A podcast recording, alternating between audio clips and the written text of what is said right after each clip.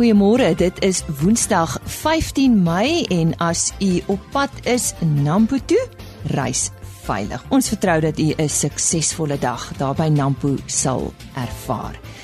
Op vandag se program ons uh, gesels met die melkprodusente organisasie oor hulle ekonomiese afdeling en ook oor die melkprys wat uh, lyk na goeie nuus. Ons vind ook uit wie is Kaskor en ons praat met die LWO werkgewersorganisasie oor die reëls en regulasies van 'n dissiplinêre verhoor. Ons begin vandag se program met ons weeklikse wolmark verslag. Gewoonlik is dit altyd op 'n Dinsdag, maar as gevolg van verlede week se verkiesingsdag is die veilinge 'n dag later aangebied. Vir nuutste wolpryse sluit ons nou aan by Jolandi Rood. Die 31ste veiling van 2018-2019 wolseisoen het vandag plaasgevind met 'n aanbod van 11242 bale waarvan 90,9% verkoop is. Die mark het met 2,5% en 497 punte verbeter teen 'n waarde van R207.39 per kilogram verskoon wol met die Cape Wools alle wol aanwyser wat 2,5% beter gesluit het. Die Australiese EMA het met 0,7% toegeneem. Die rand was 2,9% swakker teen die Amerikaanse dollar en 1,9% af teenoor die euro vergeleke met die vorige veiling. Die mark het 0,5% verswak in FSA dollar terme. Die aanbod van die dag was hoofsaaklik medium lengte wol met nagenoeg 60% van die aanbod 20 mikron en fyner. Dit het goeie mededinging tot gevolg gehad vir die fyner kambol tipes wat verder ondersteun is deur die rand wat met 2,9% teen die FSA dollar verswak het. Korter wol is steeds onder afwaartse druk as gevolg van die verbod op uitvoer van wol na China. Die grootste kopers op die veiling was Modiano SA met 4503 bale, Standard Wool SA met 2813 bale, Tianyu SA met 1145 bale en Stacken & Company met 717 bale. Die gemiddelde skoonwolpryse vir die seleksie binne die verskillende mikronkategorieë goeie langkamwol tipes was soos volg: 18,0 mikron styg met 3,9% en sluit teen R237,07 per kilogram.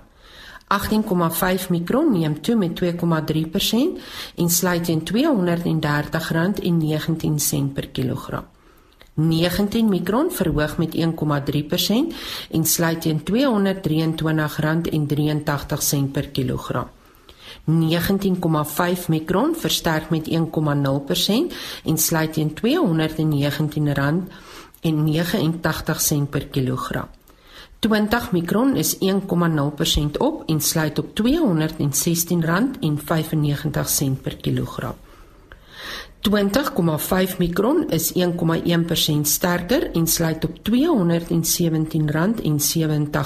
per kilogram. 21,0 mikron styg met 2,0% en sluit op R217,22 per kilogram. 21,5 mikron het 1,6% toegeneem en sluit op R215,52 per kilogram.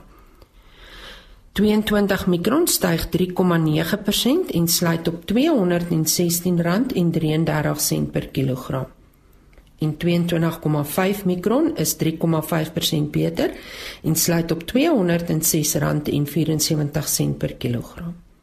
Die volgende veiling vind plaas op 15 Mei wanneer plus minus 5338 bale aangebied sal word. Jolande Rood met ons uh, nuutste wolpryse vanaf veilinge in Port Elizabeth. En die maas gesels nou met die MPO. Die NPO het 'n uh, eh, nuwe ekonom, dit is Bertus van Heerden. Ons gesels vanoggend met hom en ons wil hoor uh, Bertus, wat is die hoofuitsette van julle landbou-ekonomiese afdeling? Môre Henny en dankie vir die geleentheid. Ehm um, Die uh, wel kom ons begin eers eers so een stapie terug. Die, die NPO is 'n strategie is basies gebaseer op 3 op 3 pilare. Uh die mense, die mense binne die bedryf, ehm um, die omgewing onder die planeet en dan ook winsgewendheid. Uh en winsgewendheid is die been waaronder dan nou die landbouekonomiese afdeling val. En en ons het besluit binne die afdeling uh om inligtingsekonomie te gebruik as ons hoofuitset en ons hoof fokus binne die afdeling. Nou inligtingsekonomie is maar 'n onderafdeling van die mikroekonomie. Uh wat hoofsaaklik die studie is van ehm um, inligting en inligtingstelsels en hoe dit dan die ekonomie en die ekonomiese besluite affekteer. Uh, wat interessant is van inligtingsekonomie is is dit is is daar sekere karaktereienskappe binne hierdie spesifieke weet studieveld. Ehm um, een van hulle is dat uh, inligting is maklik om te genereer. Dis egter moeilik om altyd te vertrou uh, waarmee saamloop loop ook is die hele ding van is maklik om dit te versprei. Ehm um, dis weer is moeilik om dit te beheer en, en om dit weet te vertrou ook. Uh, so binne daai konteks ons gesê goed ons moet seker maak dat ons kan die mark met uh, objektiewe wetenskaplik gefundeerde en betroubare inligting bedien. Wat dit sal uiteraard help vir die mark om optimaal te funksioneer uh en dan ook dan kan die boer dan binne daai omgewing uh, weet uh, sy sy operasies beplan binne 'n mark wat basies goed funksioneer. Jy weet die die proses van van hoe 'n prysvorming plaasvind is maar 'n wisselwerking tussen vraag en aanbod. Ehm um, en daai wisselwerking word basies gedryf uh deur die sogenaamde weet ehm um, uh die die onsigbare hand wat hulle van praat. Dit is die dis eintlik wat die die die bastion van die vrye mark hoe daai onsigbare hand werk. En uiteraard daai onsigbare hand kan slegs optimaal funksioneer indien daar goeie inligting bekend is aan al die rolspelers binne die waardeketting. So dis waar ons ons hoof fokus lê lê om hierdie inligtings ekonomie so te bedryf dat veral jou prysvorming binne die binne die bedryf op 'n goeie basis en op 'n wetenskaplike basis kan plaasvind die die uh, uitsette uh, is dit min of meer wat dit behels dat jy inligting oor prysvorming aan uh, die boere deurgee. Wat die insette of wat die uitsette behels is basies um uh, berus ook op drie bene. Daar's ons is betrokke by uh, by die inligtingsindustrie 'n uh, projek van Melk SA. Ehm um, wat 'n baie groot projek is, dit gee vir ons seker internasionale blootstelling. Ons betoel ons bijvoorbeeld lid van die uh, IFCN, die International Farm Comparison Network uh ook van die internasionale weet die IDF International Dairy Federation dis als internasionale forums waar ons dan toegang kry tot internasionale inligting internasionale tendense wat ons dan interpreteer en dan ook deurlei of herlei na die Suid-Afrikaanse situasie toe. Uh in terme van melk SA, um het ons ook daar 'n kwartaalverslag uit oor die oor die melk oor, oor die uh, suiwelindustrie ons bring uit wat ons noem dairy digits wat in ehm uh, die dairy mail gepubliseer word op 'n maandelikse basis. Uh ons gee ook lacto data uit wat 'n baie groot 'n uh, samevatting is van die hele bedryf van 'n internasionale konteks af tot by die Suid-Afrikaanse konteks. So dis die een bene 'n melk SA projek wat dan gaan oor industrie inligting. Uh die NPO het ook sy eie ekonomiese lesenaar wat ons daarna weer uitbring is 'n maandelikse sy wil tendense met verslag om te sien wat het daar gebeur die afgelope maand. Ons bring uit daar iets wat ons noem die NPO aanwyser. Uh sodra daar groot data vrygestel word, so byvoorbeeld nou miskien die die vorige maand se produksie wat plaasgevind het, né? Dan bring ons haar aanwyser daarop uit en sê goed, dis wat ons sien wat die mark op die stadium doen en wat is ons beskouing van die mark vorentoe. Uh, ons het ook inligtings daar uiteraard en dan 'n belangrike deel van ons werk is weet, gaan juist oor daai om daai sigbare hand te laat goed werk ons hou telekoms met uh, met die hele waardeketting maar veral die mense wat nie naby aan die vuur is nie. Dis tipies jou handelsbanke, weet van jou staatsdepartemente, jou kleinhandelaars om seker te maak dat hulle ook die regte inligting het en dat hulle tydige inligting het waar hulle dan 'n um, 'n uh, 'n goeie besluit kan neem in terme van hoe hulle die besigheid vorentoe sien en die besigheid vorentoe kan vat. En dis al pogings daai om hierdie wisselwerking van vraag en aanbod en die optimale funksionering van die onsigbare hand te laat goed plaasvind. Ja, en sodoende bemagtig julle dan melkbore, né? Nee? Uiteraard ja, so dit is 'n belangrike deel daarvan. Weet jy, daar's mos maar 'n gesegde wat sê kennis is mag maar deesdae kan mens ook sê inligting is is dit ook mag, jy weet. So hierdie inligting moet ons dan op so 'n manier vir die boer verpak dat die boer kan gebruik as sy beplanning vorentoe uh, in sy besluite wat hy wat hy moet neem in die korttermyn en uiteraard ook in sy onderhandelingsproses met hy waar hy met kopers praat uh, weet binne in daai verband om daar sy saak te kan regstel en ook te kan besef weet wat in die industrie aan die gang is. Ek het eendag weggelaat by die vorige editjie die derde been van daai uitsette vir ons uiteraard agri inspek Agriinspek gee vir ons uh, die volmaakte vermoë nê om presies agter te kom wat in terme van die handelskant van uh, van die silwerbedryf dit gebeur.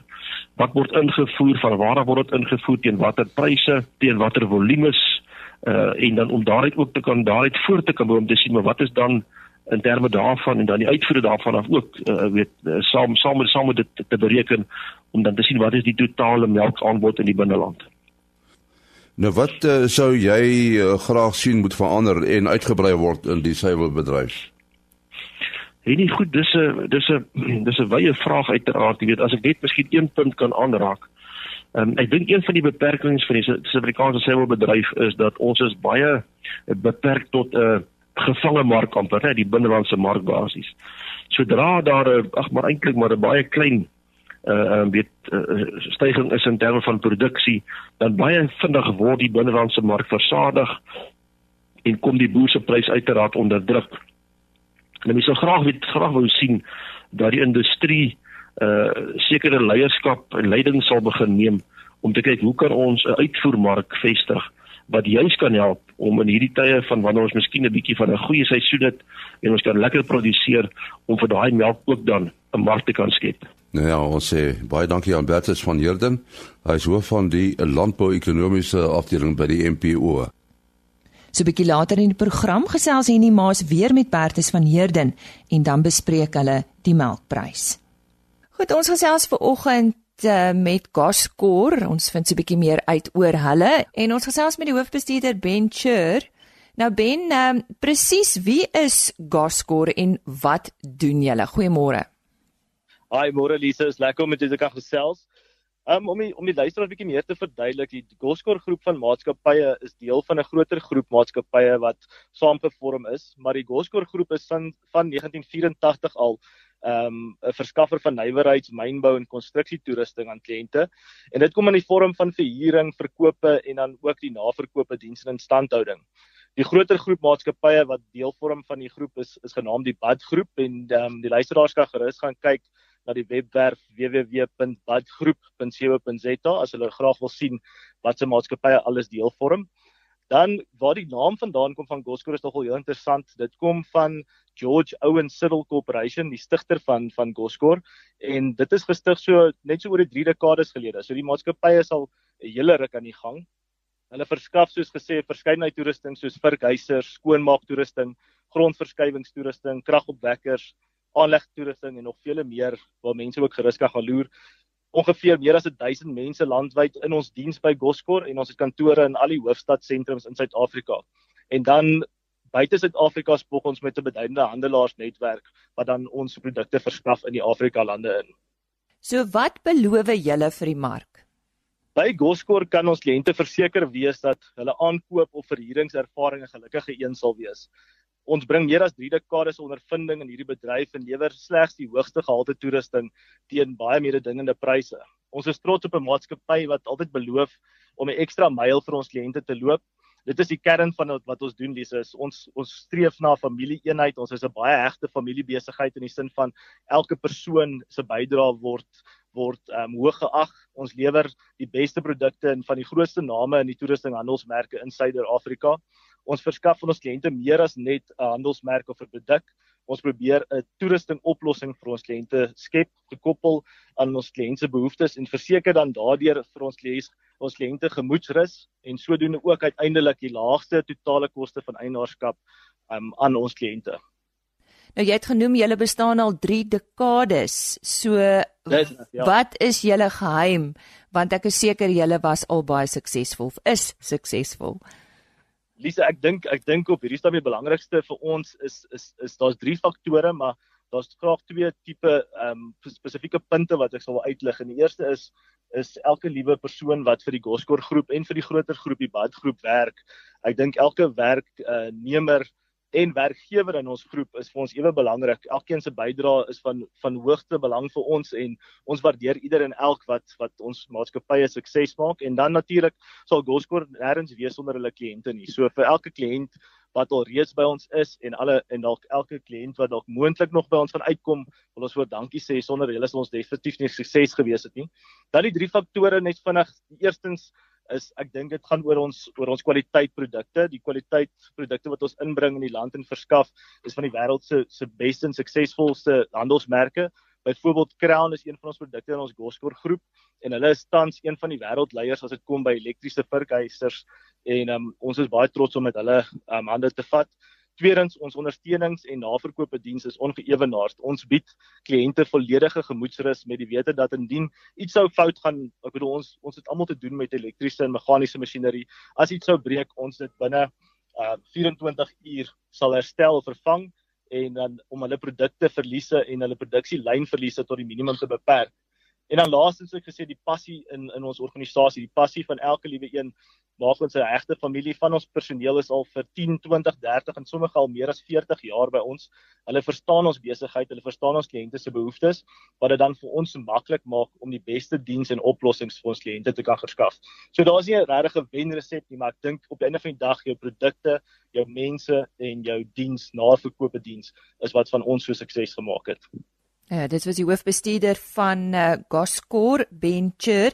Ben jy daar in die begin verwys na ehm um, die Bud Group? Uh jy het gesê mense kan na na gelus na julle na die webtuiste gaan kyk. Nou hierdie Bud, hoe spel mens dit? Dit is Lise, dit is Bud soos 'n uh, lentebloeisel, so dit is B U D. Goed, daar sê en dit is dan uh, en die webtuiste, is daar 'n spesifieke webtuiste as iemand meer oor julle wil gaan lees? Ja, verseker, hulle kan ons Goskor webtuiste toe gaan wat www.goskor.co.za is.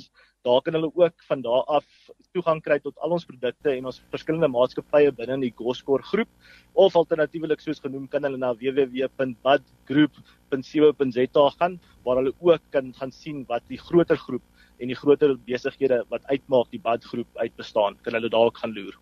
En soos ek vroeër genoem het, dit is dan Ben Chur gewees. Hy is hoofbestuurder by die Goskor groep.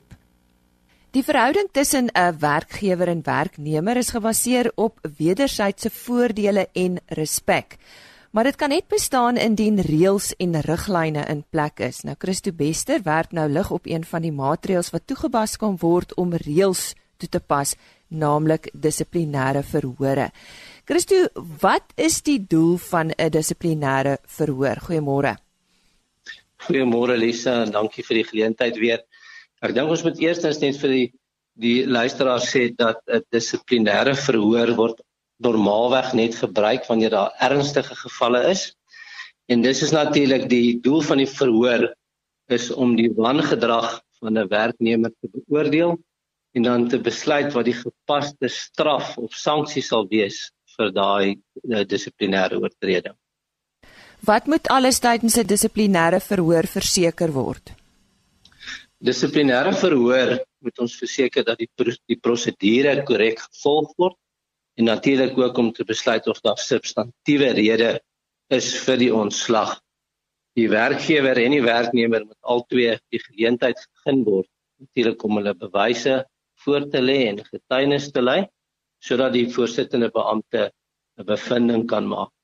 Dit is baie belangrik dat werkgewers moet weet dat voldoende bewyse voorgelê moet word alvorens daar 'n skuldige bevinding kan wees. Nou die werkgewer dra die bewyslas om die werknemer se skuld op 'n oorwig van waarskynlikheid te bewys. Wat behels dit? Ja, die bewyslas op 'n oorwig van waarskynlikheid is natuurlik 'n baie tegniese aspek maar vir die werkgewers daar buite te verduidelik dit beteken maar net dat die werkgewer moet bewys dat daar nie 'n ander uh, persoon kon wees as die werknemer wat hierdie oortreding kon gepleeg het nie en dat daar natuurlik dis 'n ligter bewyslas as wat in die strafregstelsel behels so dan moet net op 'n moontlikheid bestaan en nie iets anders kon gebeur het behalwe deur die werknemer. Hoe kan werkgewers voorberei vir 'n dissiplinêre verhoor? Ek sê ja, dit is baie belangrik. Werkgewers moet besef dat die plig lê by hulle om te bewys ehm um, dat die moontlikheid is dat die werknemer die oortreding gepleeg het. So hulle moet begin om die oortreding of die bewering van die oortreding te ondersoek. Natuurlik al die om, omliggende omstandighede ook te ondersoek en om seker te maak dat die aantuiging of bewering dalk nie net kwadwillig is nie. Dan tweedens moet hulle seker maak dat daar genoeg bewyse is om hierdie oortreding te kan bewys. Nou om dit te kan doen, kan werkgewers gebruik maak van uh, fotos wat geneem is of natuurlik ehm um, CCTV videomateriaal en dan ook mondelingse getuienis deur ander werknemers of deur persone wat dit gesien het. Nou die die skuldigbevinding hang natuurlik dan nou af van die feite wat die voorsittende beampte sal beoordeel wat deur die werkgewer gegee is.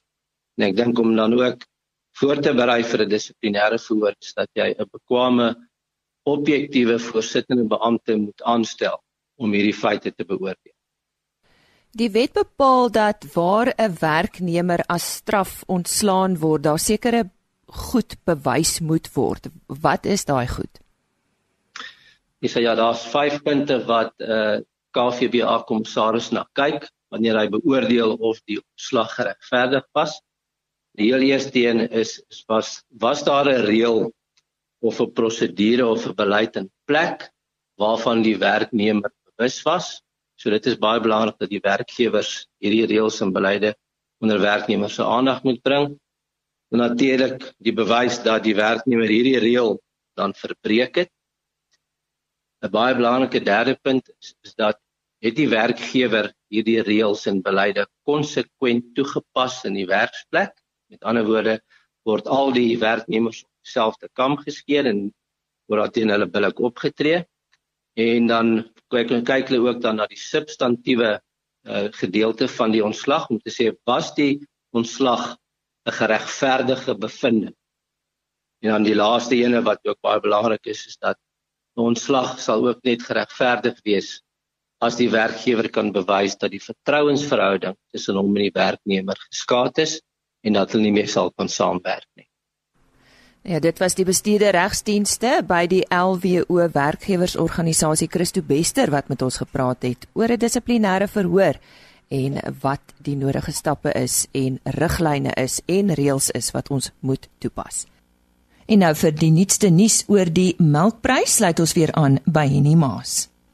Bertus van Heerden is die hoof van die landbou-ekonomiese afdeling van die MPO.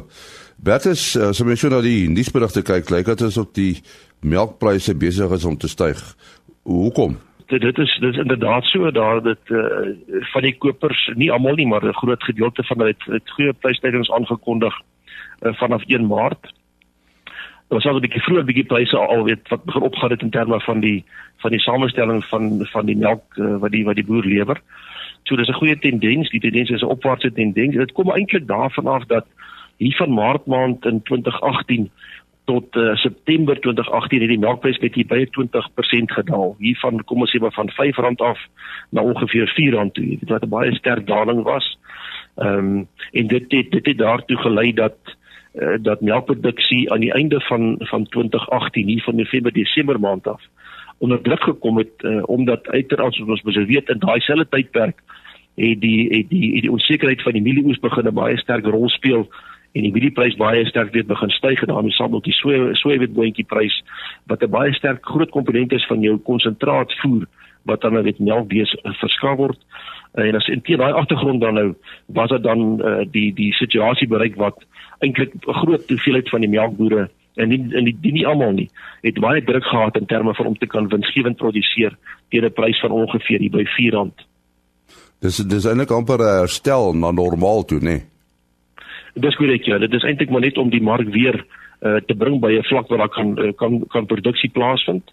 Uh, want hierdie tipe wat dit waar daai prys op daai vlak was, uh, moet ek sê dan was daar 'n baie groot hoeveelheid boere wat nie sou kon winsgewend produseer nie en uiteraard sou hulle dan die bedryf op groot skaal dit verlaat het. Ja, een van die ekonomiese wette is wat opgaan moet afkom, nê? Nee? Dis reg ja, nee, dit is maar hoe dit gaan en uiteraard het ons wil probeer en dis juist ook deel van hierdie ons gedagte rondom inligtingsekonomie en en om die werking van die onsigbare hand uh, beter te laat plaasvind of optimaal te laat plaasvind.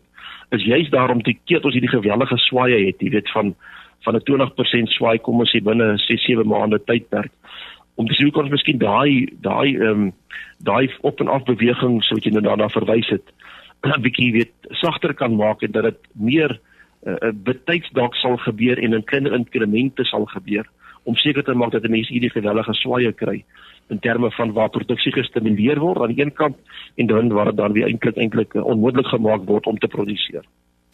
Uh hoe gaan suiwel in en uitvoere van jaar lyk? En nie uh op hierdie stadium is invoere eintlik eintlik baie stadig. Ehm um, ons voer jou wat meer uit as wat ons invoer. As jy praat van uitvoer, praat ek ook van ons verkope aan die sogenaamde weet uh, ander SACU-landlede. Dis hulle met jou Botswana, Lesotho, Swaziland en Namibië. Ehm um, die verkoop wat ek nou daarby insluit is aan die uitvoer ook dan nou na daai lande toe. Ehm um, en op daai stadium of op die stadium eintlik is ons besig om baie meer uit te voer as wat ons invoer. So ons het 'n lekker netto uitvoer uh op hierdie stadium situasie binne die melkbedryf. Die die back and closure uitbraak het dit 'n effek op die suiwelmark gehad. Nee nee, dit het uh, dit het nie volgens my 'n uh, invloed gehad nie. Die um, die die feit dat die melk gepasteuriseer word en dan nou ook nog verwerk word tot kom ons sê jou um, jou langlewe melk. Ehm um, en dat uiteraard al jou geprosesseerde produkte, weet melk, poeier, kaas ensovoorts, jy 'n sekere verwerkingsproses gaan wat uh, wat volgens inligting wat ek het, die eintlik die die hele gevaar van back and closure basies uh, tot tot niet maak. Uh, in die sin van dat dit oorgedra kan word na diere toe, dit kan dan uiteraard nie gebeur nie.